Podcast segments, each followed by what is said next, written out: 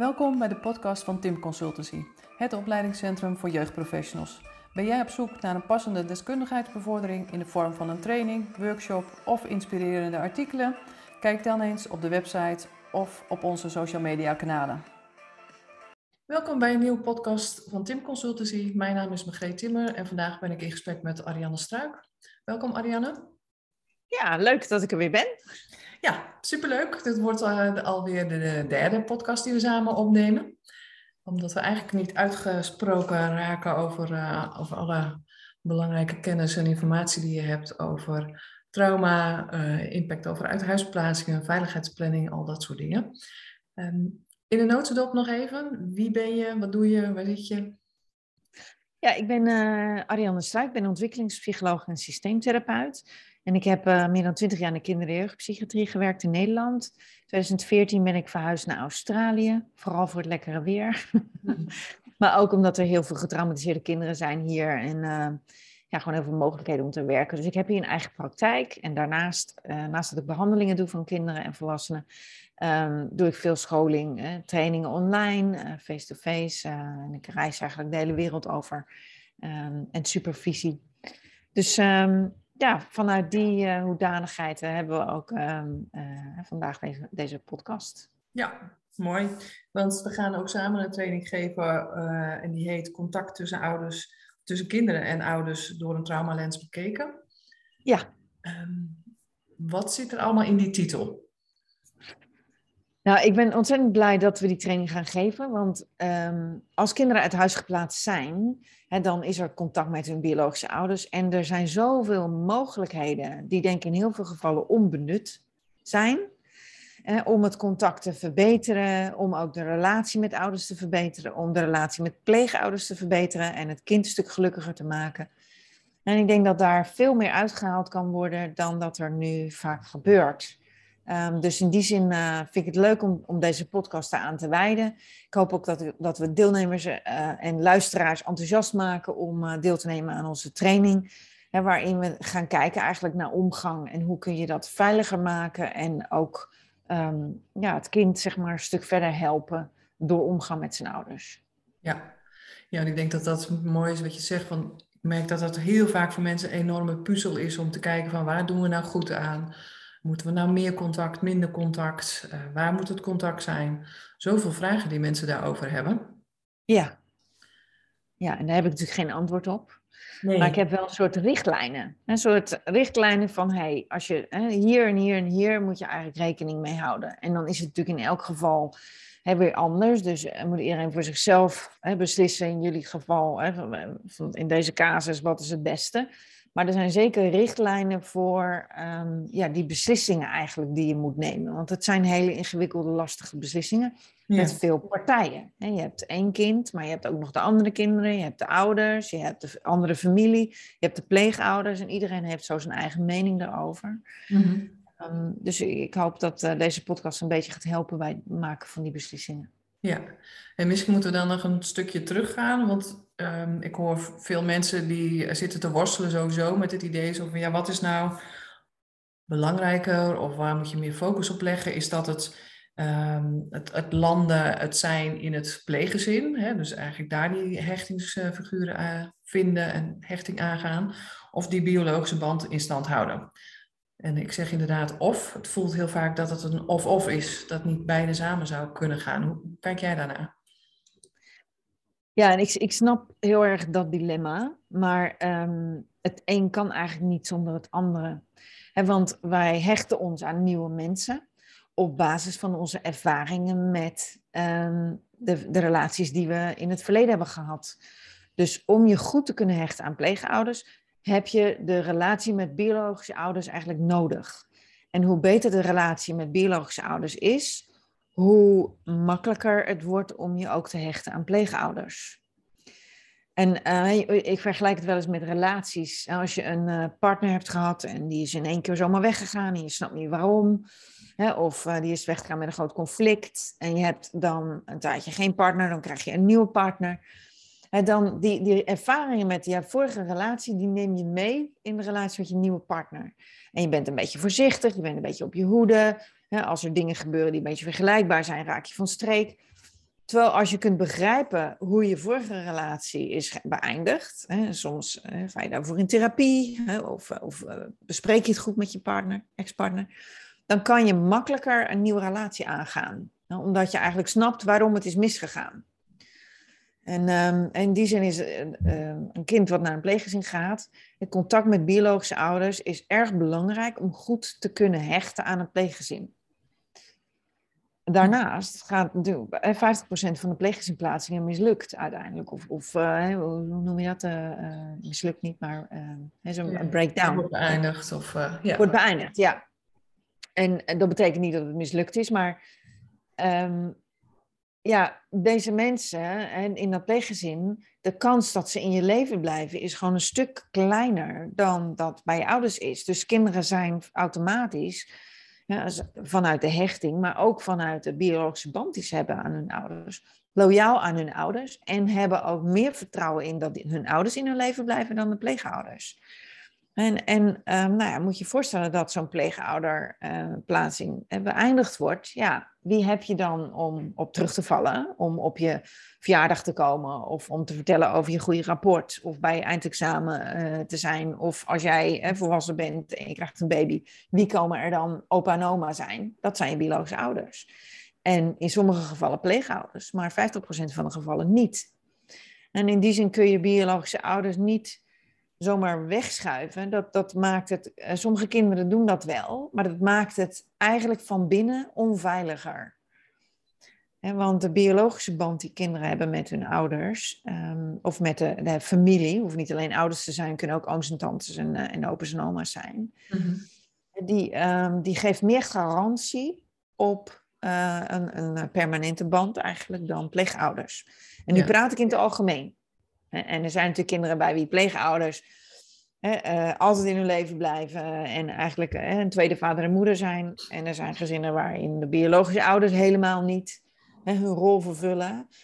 Maar in principe is, zijn de biologische ouders heel belangrijk en moeten ook een belangrijke plaats in het leven van het kind blijven houden om een zo goed mogelijk perspectief voor de toekomst te creëren. Ja, dus zegt Best, beste zijn er veilige hechtingspersonen nodig die in het leven van een kind blijven. En grote kans is dat biologische ouders dat zullen zijn. Ja, en daarnaast willen kinderen ook hun biologische ouders in hun leven houden. Als je die programma's ziet van volwassenen die, die een ouder gaan zoeken, die is kwijtgeraakt, hè, vermist. Of ik weet niet hoe die programma's in Nederland tegenwoordig heten. Maar ja, de, de uh, spanning die daar omheen hangt en de fantasieën die ze hebben over die ouder en wat ze daar allemaal over hebben gedacht. Hè, dat is heel indrukwekkend. En hè, voor deze kinderen is het belangrijk om ook te leren omgaan met de ongemakken of on, onhandigheden of misschien onmogelijkheden van hun ouders. En als ze dat niet leren, doordat er weinig contact is of omdat er weinig begeleiding is, ja, dan gaan kinderen daar dingen over fantaseren. Dan hebben ze misschien een veel te rooskleurig geïdealiseerd beeld van hun ouders. En dan wordt het veel moeilijker om als ze volwassen zijn zichzelf te beschermen tegen um, ja, te, uh, gekwetst te worden, um, mm -hmm. of in de maling genomen te worden, of uh, in de steek gelaten te worden. Het is belangrijk dat ze leren omgaan met hun ouders zoals ze zijn. En uh, leren genieten van de goede dingen die er zijn. En bij de meeste ouders zijn er zeker goede dingen. Naast ja. alle onmogelijkheden en verslavingen en, en, psychiatrische problematiek. Ja, ik denk dat dat wel een hele mooie is. Als je dat inderdaad een kind kunt gunnen om te mogen genieten van dat stukje ouders.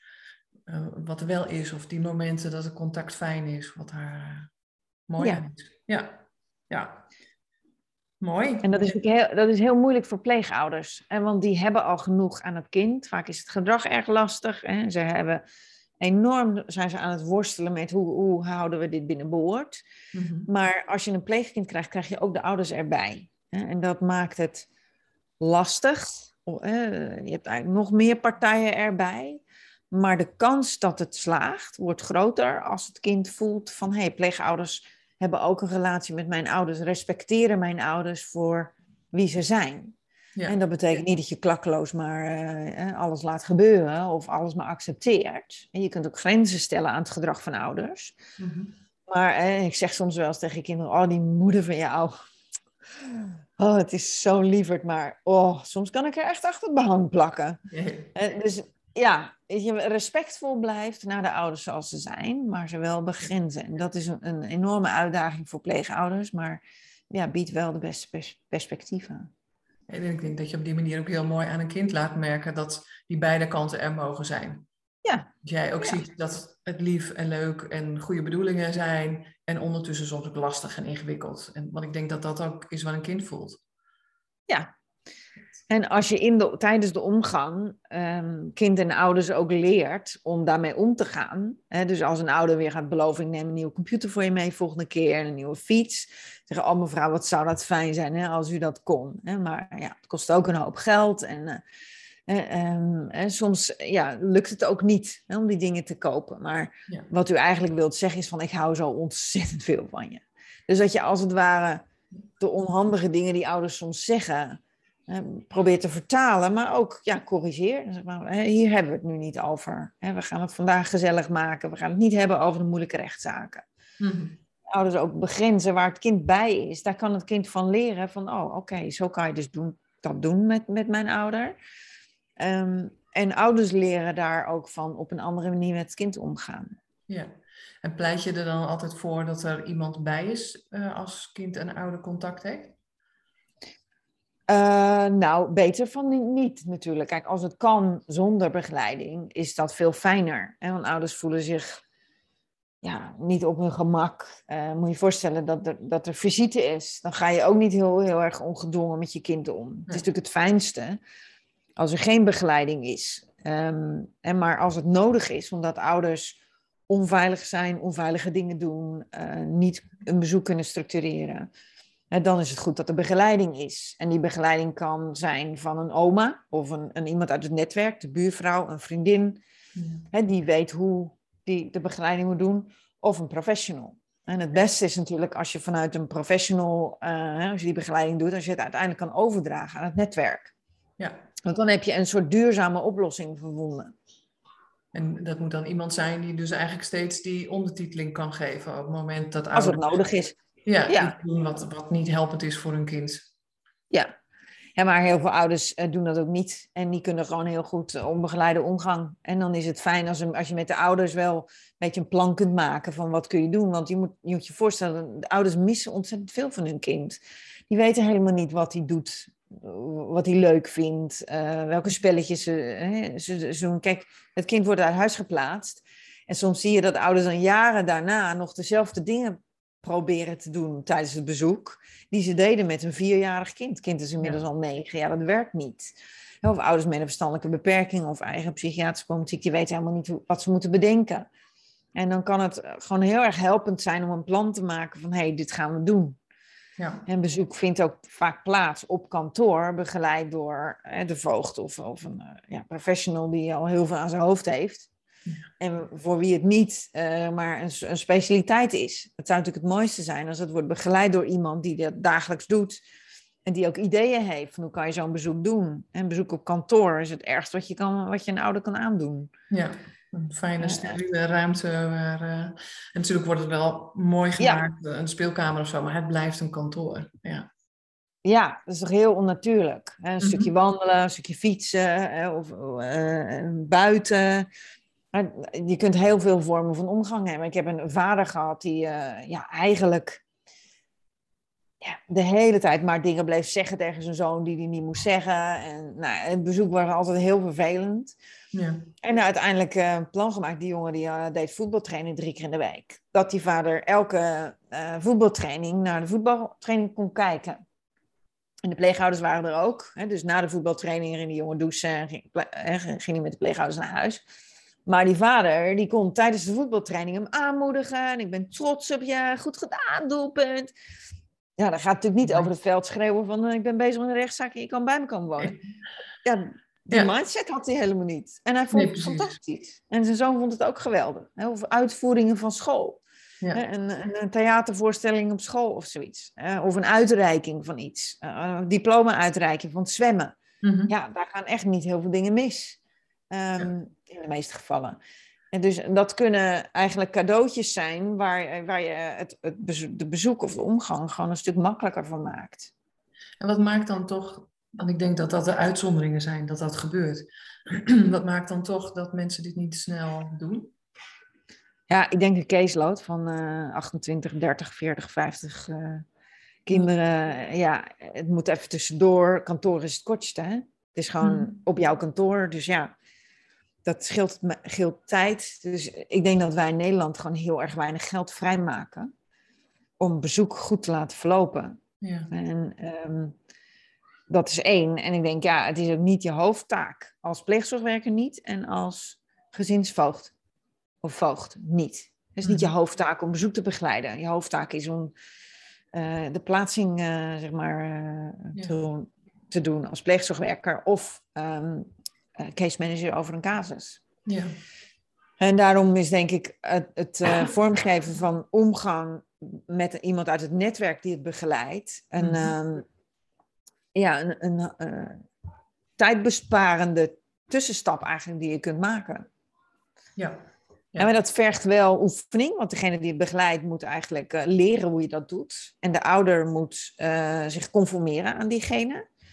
Maar als je zegt, ja, het is of op kantoor bij jeugdzorg, of door oma, die dan inderdaad soms gaat zeggen, daar gaan we het niet over hebben. Mhm. En bij je thuis, ja, dan kiezen heel vaak ouders daar toch wel voor. Ja.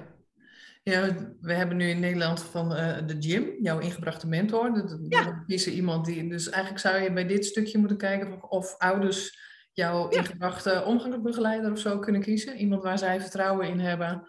Ja. Uh, die aanwezig is, die hun helpt. Die ja, hun helpt om, om die omgang gewoon goed te laten verlopen. Ja, en dat kunnen natuurlijk ook de pleegouders zijn. Mhm. En dat, niet in alle gevallen, want het kan ook, hè, als er veel wrijving is tussen ouders en pleegouders, kan dat niet. Hè, maar als pleegouders uh, energie hebben om ook een relatie met ouders op te bouwen, kan dat gewoon heel mooi. En dan kan een kind uh, zijn ouders ontvangen in zijn eigen huis, wat natuurlijk fijn is. Dan kunnen ouders ook zien waar het kind woont hè, hoe, hoe zijn kamertje is. Uh, dan hebben ouders ook een voorstelling van daar is mijn kind. Moet je je voorstellen dat je ouder bent en je weet dus niet waar je kind is. Je weet niet hoe het huis eruit ziet. Je weet niet in welk bedje die ligt of wat hij wat in zijn kamer heeft. Dat is heel naar en verdrietig, maar ook ja, een beetje eng en, en ont, ja, ontvreemdend of zoiets. Ja. Dus um, ja, als het mogelijk is, dan, uh, dan zijn dat hele mooie oplossingen. Um, om het gewoon bij het kind thuis te doen. Mm -hmm. Ja. In de eigen omgeving. Ja. Dus het, eigenlijk twee aspecten die heel erg belangrijk zijn. Om te kijken, wat hebben ouders nodig? En hoe kun je ouders begeleiden in wat doe je wel, wat doe je niet tijdens het contact met je kind? En ondertussen ook het kind leren omgaan met de ouders die die heeft. Met alle leuke kanten en ingewikkelde kanten. Ja, en de, de kans, dat, wat je natuurlijk wil, is dat ouders de plaatsing gaan ondersteunen. En dat ze zeggen, het is goed dat je hier bent. En die mhm. kans wordt groter als ouders meer toegang hebben tot het kind, onderdeel zijn van het leven van het kind, voelen dat ze onderdeel zijn van het leven van het kind. Mhm. En dat, dat kan het voor ouders makkelijker te maken om te zeggen, oké, ik ga accepteren dat ik parttime ouder ben terwijl wij in onze woorden al, je bent ontheven van je gezag. Dat mhm. betekent, ik ben geen ouder meer. Ehm, en dat is voor ouders heel moeilijk te accepteren. Terwijl als je kan zeggen, ja, je bent wel ouder. Je bent nog steeds de vader en de moeder. En wij zijn geen, wij zijn geen vervangend vader en moeder. Mhm. Maar je kent er twee papa's en twee mama's. Een mama en papa, pleegmama en papa die voor hem zorgen. En een papa en mama die van hem houden en uh, die er ook voor hem zijn. En uit wiens buik, een mama uit wiens buik jij geboren bent. Ja. En een mama die altijd jouw mama blijft. Dus je hebt eigenlijk twee echte mama's. Mhm. Twee echte papa's. Ja, precies. Dat dat, um, dat dat beeld helder is voor een kind, dat hij daar dat ook een plekje kan geven. Ja. Kan begrijpen ja. hoe dat naast elkaar staat. Ja, ja. En um, in het begin zei je zo van, hè, we moeten kijken van wat we kunnen doen om het kind gelukkig te maken. Dat het kind um, eigenlijk de kans krijgt om op te groeien in een pleeggezin, terwijl daar nog contact is met ouders. Ja. Dat het belangrijkste is. Ja. En Ehm, kijk, we hebben het natuurlijk nu over situaties waarin het contact tussen ouders en kind goed is. Maar er zijn natuurlijk ook kinderen die heel erg getraumatiseerd zijn door hun ouders, die bang voor hun ouders zijn, die extreem loyaal aan hun ouders zijn, die eigenlijk heel veel hele nare dingen hebben meegemaakt. Waardoor de omgang heel ingewikkeld kan zijn. Ze kunnen heel erg van streek zijn tijdens, niet willen. ehm, of erna heel erg overstuur zijn of ervoor. Er kan heel veel spanning rondom omgang zijn. En dan kun je natuurlijk zeggen, ja, oké, dan doen we het een stuk minder vaak. Ehm, en ik denk, kijk, heel frequent omgang, eh, als een kind zo gespannen is, maakt dat een kind niet meer kan ontspannen. En een, een andere, andere belangrijke regel is dat het kind wel tussendoor moet kunnen ontspannen. Hè? Ik ga ook wel eens op familiebezoek, maar als er zoveel familiebezoek is dat ik niet meer kan bijkomen van alle familiebezoek, dat is een beetje te veel. Een kind moet ook Mhm. kind kunnen zijn, kunnen spelen. Dus ja. het, ik heb een tweeling gehad van eh, anderhalf. En die gingen drie keer in de week van hun pleegouders naar de biologische ouders voor bezoek. En dat was een uur in de taxi heen en dan anderhalf uur bezoek en dan weer een uur in de Mhm. taxi terug. Ja, die kinderen waren eigenlijk alleen maar bezig met dat bezoek. En waar, waar ben ik nu eigenlijk? Nou, Ja. dat, is, dat is niet goed. Ehm, dus niet te frequent, maar ook niet te laag frequent. En als er zoveel spanning rondom het bezoek is, en dan is het belangrijk om te kijken waar komt dat door? Is het omdat het te laag frequent is en het kind mist zijn ouders heel erg? Dan moet het eigenlijk intensiever. Of eh, zijn er ook nare herinneringen die getriggerd worden? En dat is bij heel veel kinderen het geval. Mhm. Zij, als ze mama zien of papa zien, denken ze weer aan het geweld of aan het seksueel misbruik of aan de verwaarlozing of aan de politie of aan de honden. En ehm, die herinneringen worden opgeroepen en waardoor het bezoek gewoon niet meer leuk is. Mhm. Omdat ze zo gespannen zijn en dat is echt jammer. Terwijl als die kinderen traumaverwerking zouden krijgen, waardoor ze kunnen, eh, die dingen kunnen loslaten, kunnen zeggen, ja, dat was toen, maar daar hoef ik nu niet meer bang voor te zijn, want oma is erbij of de voogd is erbij. En dan kan het bezoek een stuk meer ontspannen zijn. En, ehm, en zeker bij hele jonge kinderen kan dat heel snel eigenlijk al, na één of twee traumaverwerkingssessies, kan je al enorm verschil merken. Mhm. En ehm, dat is niet alleen voor het kind fijn, maar ook voor de ouders. Want moet je je voorstellen dat je, je kind ziet en je hebt hem ontzettend gemist. En dan wil hij niks van je weten. En dan hangt hij de tegen de pleegmoeder aan. En dan eh, wil hij je niet aankijken. Is hij bang voor je? Dat is toch erg? Dat, Ja. dat- dat- Ja. dat is vreselijk voor een ouder. Dus de meeste ouders zijn daar ook wel toe te bewegen. Maar als ik zeg van nou, hè, wat, het doel van die traumaverwerking is niet om te kijken wat u allemaal verkeerd heeft gedaan. Maar om uw kind te laten voelen van, nou, dat was toen, dat is nu niet meer. En om uw kind te laten voelen van, het is nu fijn. En als ik mama zie, hoef ik niet meer aan al die nare dingen te denken. Maar de meeste ouders gaan daar wel in mee als je het zo uitlegt. Ja, en hoe krijg je dan als pleegzorgwerker of gezinsvoogd zicht op, ehm, is dat wat het lastig en ingewikkeld maakt, dat, dat het een trigger is eh, om de herinneringen van het verleden weer te merken, of dat het kind gewoon echt het contact in het hier en nu niet leuk vindt, of dat ouders nu niet goed voor het kind zijn? Eh, Tijdens het- de omgang bedoel je? Mhm. Ja, Eh. er is omgang geweest en het kind komt helemaal overstuur terug. En hoe maak je dan onderscheid tussen eh, dat komt omdat ouders op dit moment gewoon niet goed zijn met het kind, of dat komt doordat het kind weer getriggerd wordt eh, en weer terugdenkt aan hoe het eerder thuis was? Ja, dat, dat is natuurlijk lastig eh, om dat in het algemeen te zeggen. Maar als een kind eh, bijvoorbeeld daarna eh, in bed plast, nachtmerries heeft, vertelt over dingen die hij heeft meegemaakt, of in één keer zeg maar omslaat. Je- ja, dat kan wijzen op eh, trauma's die getriggerd worden. En als kinderen veel dingen hebben meegemaakt, wat natuurlijk bij de meest uit huis geplaatste kinderen is, en ze hebben geen traumaverwerking gehad, Mhm. is de kans heel groot dat die nare dingen worden getriggerd. Ja. Dus ik zou zeggen, als een kind geen traumaverwerking heeft gehad, zou ik dat sowieso proberen. En Mhm. dat, dat is ook, als je kijkt naar de richtlijnen voor kinderen hè, met, die nare dingen hebben meegemaakt, is eigenlijk de eerste keusbehandeling traumaverwerking. Ja. Ehm, en daarnaast, degene die die bezoek begeleidt, kan natuurlijk kijken naar wat gebeurt er in het bezoek. Ik heb eh, ook kinderen gehad waarbij bijvoorbeeld tijdens het bezoek de moeder alleen maar aandacht schonk aan de jongens en niet aan, aan het meisje. Hm. En dan ja, kun je natuurlijk wel bedenken dat dat niet leuk is voor een kind. Hè, dus dan zou je ehm, het bezoek meer kunnen gaan structureren met de moeder. om te kijken van hoe kun je de aandacht wat meer verdelen of hoe Ja. kun je daar een plan voor maken en kijken wat het effect is. Ja, dus En wel wat er vaak- die twee sporen meenemen. Ja, of, of, of als kinderen daarna heel erg huilen en hè, heel erg met mama bezig zijn of met papa en eh, ik mis mama zo, ja, dan kun je bedenken dat het misschien hè, het bezoek wel heel erg laag frequent is of er eigenlijk te weinig Mhm. ja, contact is met de ouders. En dat hoeft niet te zijn dat er dan meer bezoek is, maar misschien meer belcontacten of eh, eh, misschien kunnen de pleegouders eh, tussen de bezoeken door gewoon meer praten over de ouders. Ja, zo even een foto sturen naar mama van, van die mooie cake die je hebt gebakken of... eh, Mhm. eh, oh ja, dat liedje vindt mama ook zo mooi. Zullen we dat samen opzetten? Nou, zo, of ouders kunnen een filmpje inspreken.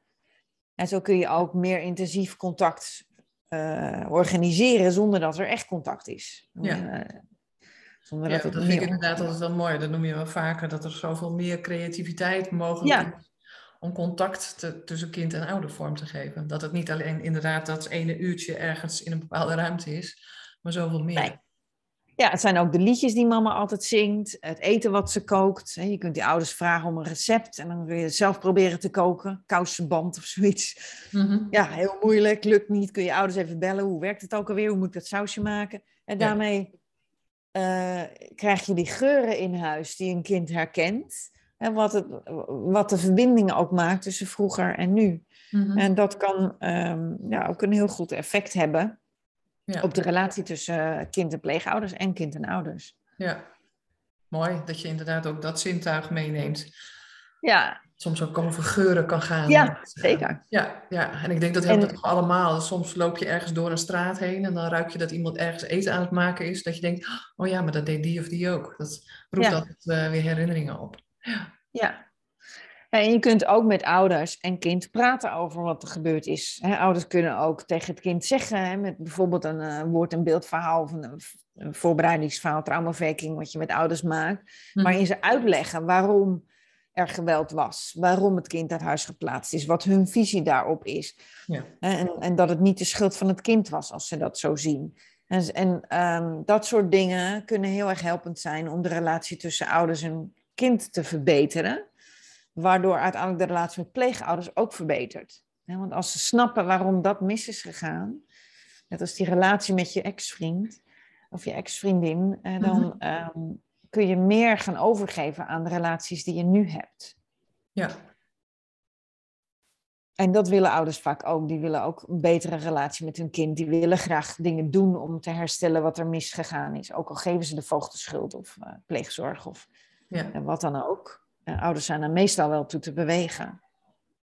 En Maar het belangrijkste is eigenlijk als er, als er gedoe is rondom omgang en het is moeilijk, om je eens af te vragen van wat kan het nu zijn? En in onze eh, training die we gaan doen, gaan we daar ook op in. Hè? Die verschillende mogelijkheden en, en wat kun je nou doen om te ontdekken wat het is en wat kun je eigenlijk doen als dat het geval is. Ja. Ja, dus dat we echt met elkaar gaan puzzelen over wat is er nodig in, in specifieke situaties. Wel Ja, hoe kun je het veiliger maken? Ja. ja. Ja. Ja. Ik denk dat dat ook een hele mooie is om, om met die oproep vooral eh, dit gesprek af te ronden. Ik denk wat je, wat je meegeeft is van bekijk het vanuit die verschillende perspectieven. Eh, wat heeft het kind nodig om op een goede manier eh, contact te hebben met, eh, met zijn kind of ook ja, het gedrag van, het, van de ouders te kunnen snappen. Het andere spoor is samen met de ouders kijken naar wat kunnen zij doen oh, om dat contact voor een kind eh, gewoon goed te maken. Om, om ja, ook te kijken van wat zij daar zelf in kunnen doen. Ehm, een mooie taak, een mooie puzzel denk ik, die heel veel werkers eh, te maken hebben. Waar we graag met hun mee aan de slag gaan. Vanuit ideeën over trauma, eh, de impact daarvan, maar ook over veiligheidsplannen maken. Wat voor afspraken kun je daarmee maken? En de hele belangrijke rol van het netwerk daarin. Ja, want in die driedaagse training hè, ehm, eh, gaan we in eigenlijk op trauma. Hoe, welke impact heeft het op kinderen? Wat heeft eh, trauma voor impact op ouders? Want je hebt natuurlijk ook vaak getraumatiseerde ouders. En hoe kun je daarmee omgaan? Wat zijn zeg maar, trucjes die je kunt gebruiken? Wat zijn eh, technieken die je kunt gebruiken? En, en hoe, kan, ja, hoe kan je omgang begrijpen? En wat kun je doen om het veiliger te maken? Ehm, en dat is eigenlijk ja, wat we in de eerste twee dagen doen. En dan in de derde dag gaan we eigenlijk kijken naar eh, de eigen casuïstiek. hoe heb je ermee geoefend? Uh, wat kom je tegen? En hoe kun je, je je plan eigenlijk nog meer aanscherpen? Ja. Ja, ik heb er zin in. Ik heb hem al een keer in Zweden gedaan. Uh, en in oktober uh, nog een keertje voor de Zweedse ehm, ja, mm -hmm. uit huis geplaatste kinderen. En nu in Nederland. Ja, precies. Dus het is wel een een, een, dilemma, een puzzel die, die overal op de wereld nog gelegd moet worden. Ja hoor. Dus daarbij ja, hoe ja. ingewikkeld en lastig dat is. Dat, uh, ja. Is natuurlijk ook, we, we, hebben steeds meer kennis over wat het effect is van trauma en wat je daarin wel en niet moet doen. Dus dat betekent ook dat we ons handelen moeten veranderen. Ja. Ja, mooi. Super. Oké. Heel waardevol. Um, we, gaan, uh, we gaan daar gewoon lekker mee aan de slag en we hopen op heel veel aanmeldingen, zodat we met elkaar daar uh, naar kunnen gaan kijken. Dankjewel. Ja. Oké. Okay. Doeg. Doeg. Dankjewel voor het luisteren naar deze podcast van Tim Consultancy. Hopelijk was het een waardevol gesprek voor je om naar te luisteren. Wil je meer weten over de onderwerpen die we in onze podcast bespreken? Check dan ook onze social media kanalen of de website van Tim Consultancy voor een van onze opleidingen of trainingen. Heel graag tot een volgende keer en een fijne dag gewenst.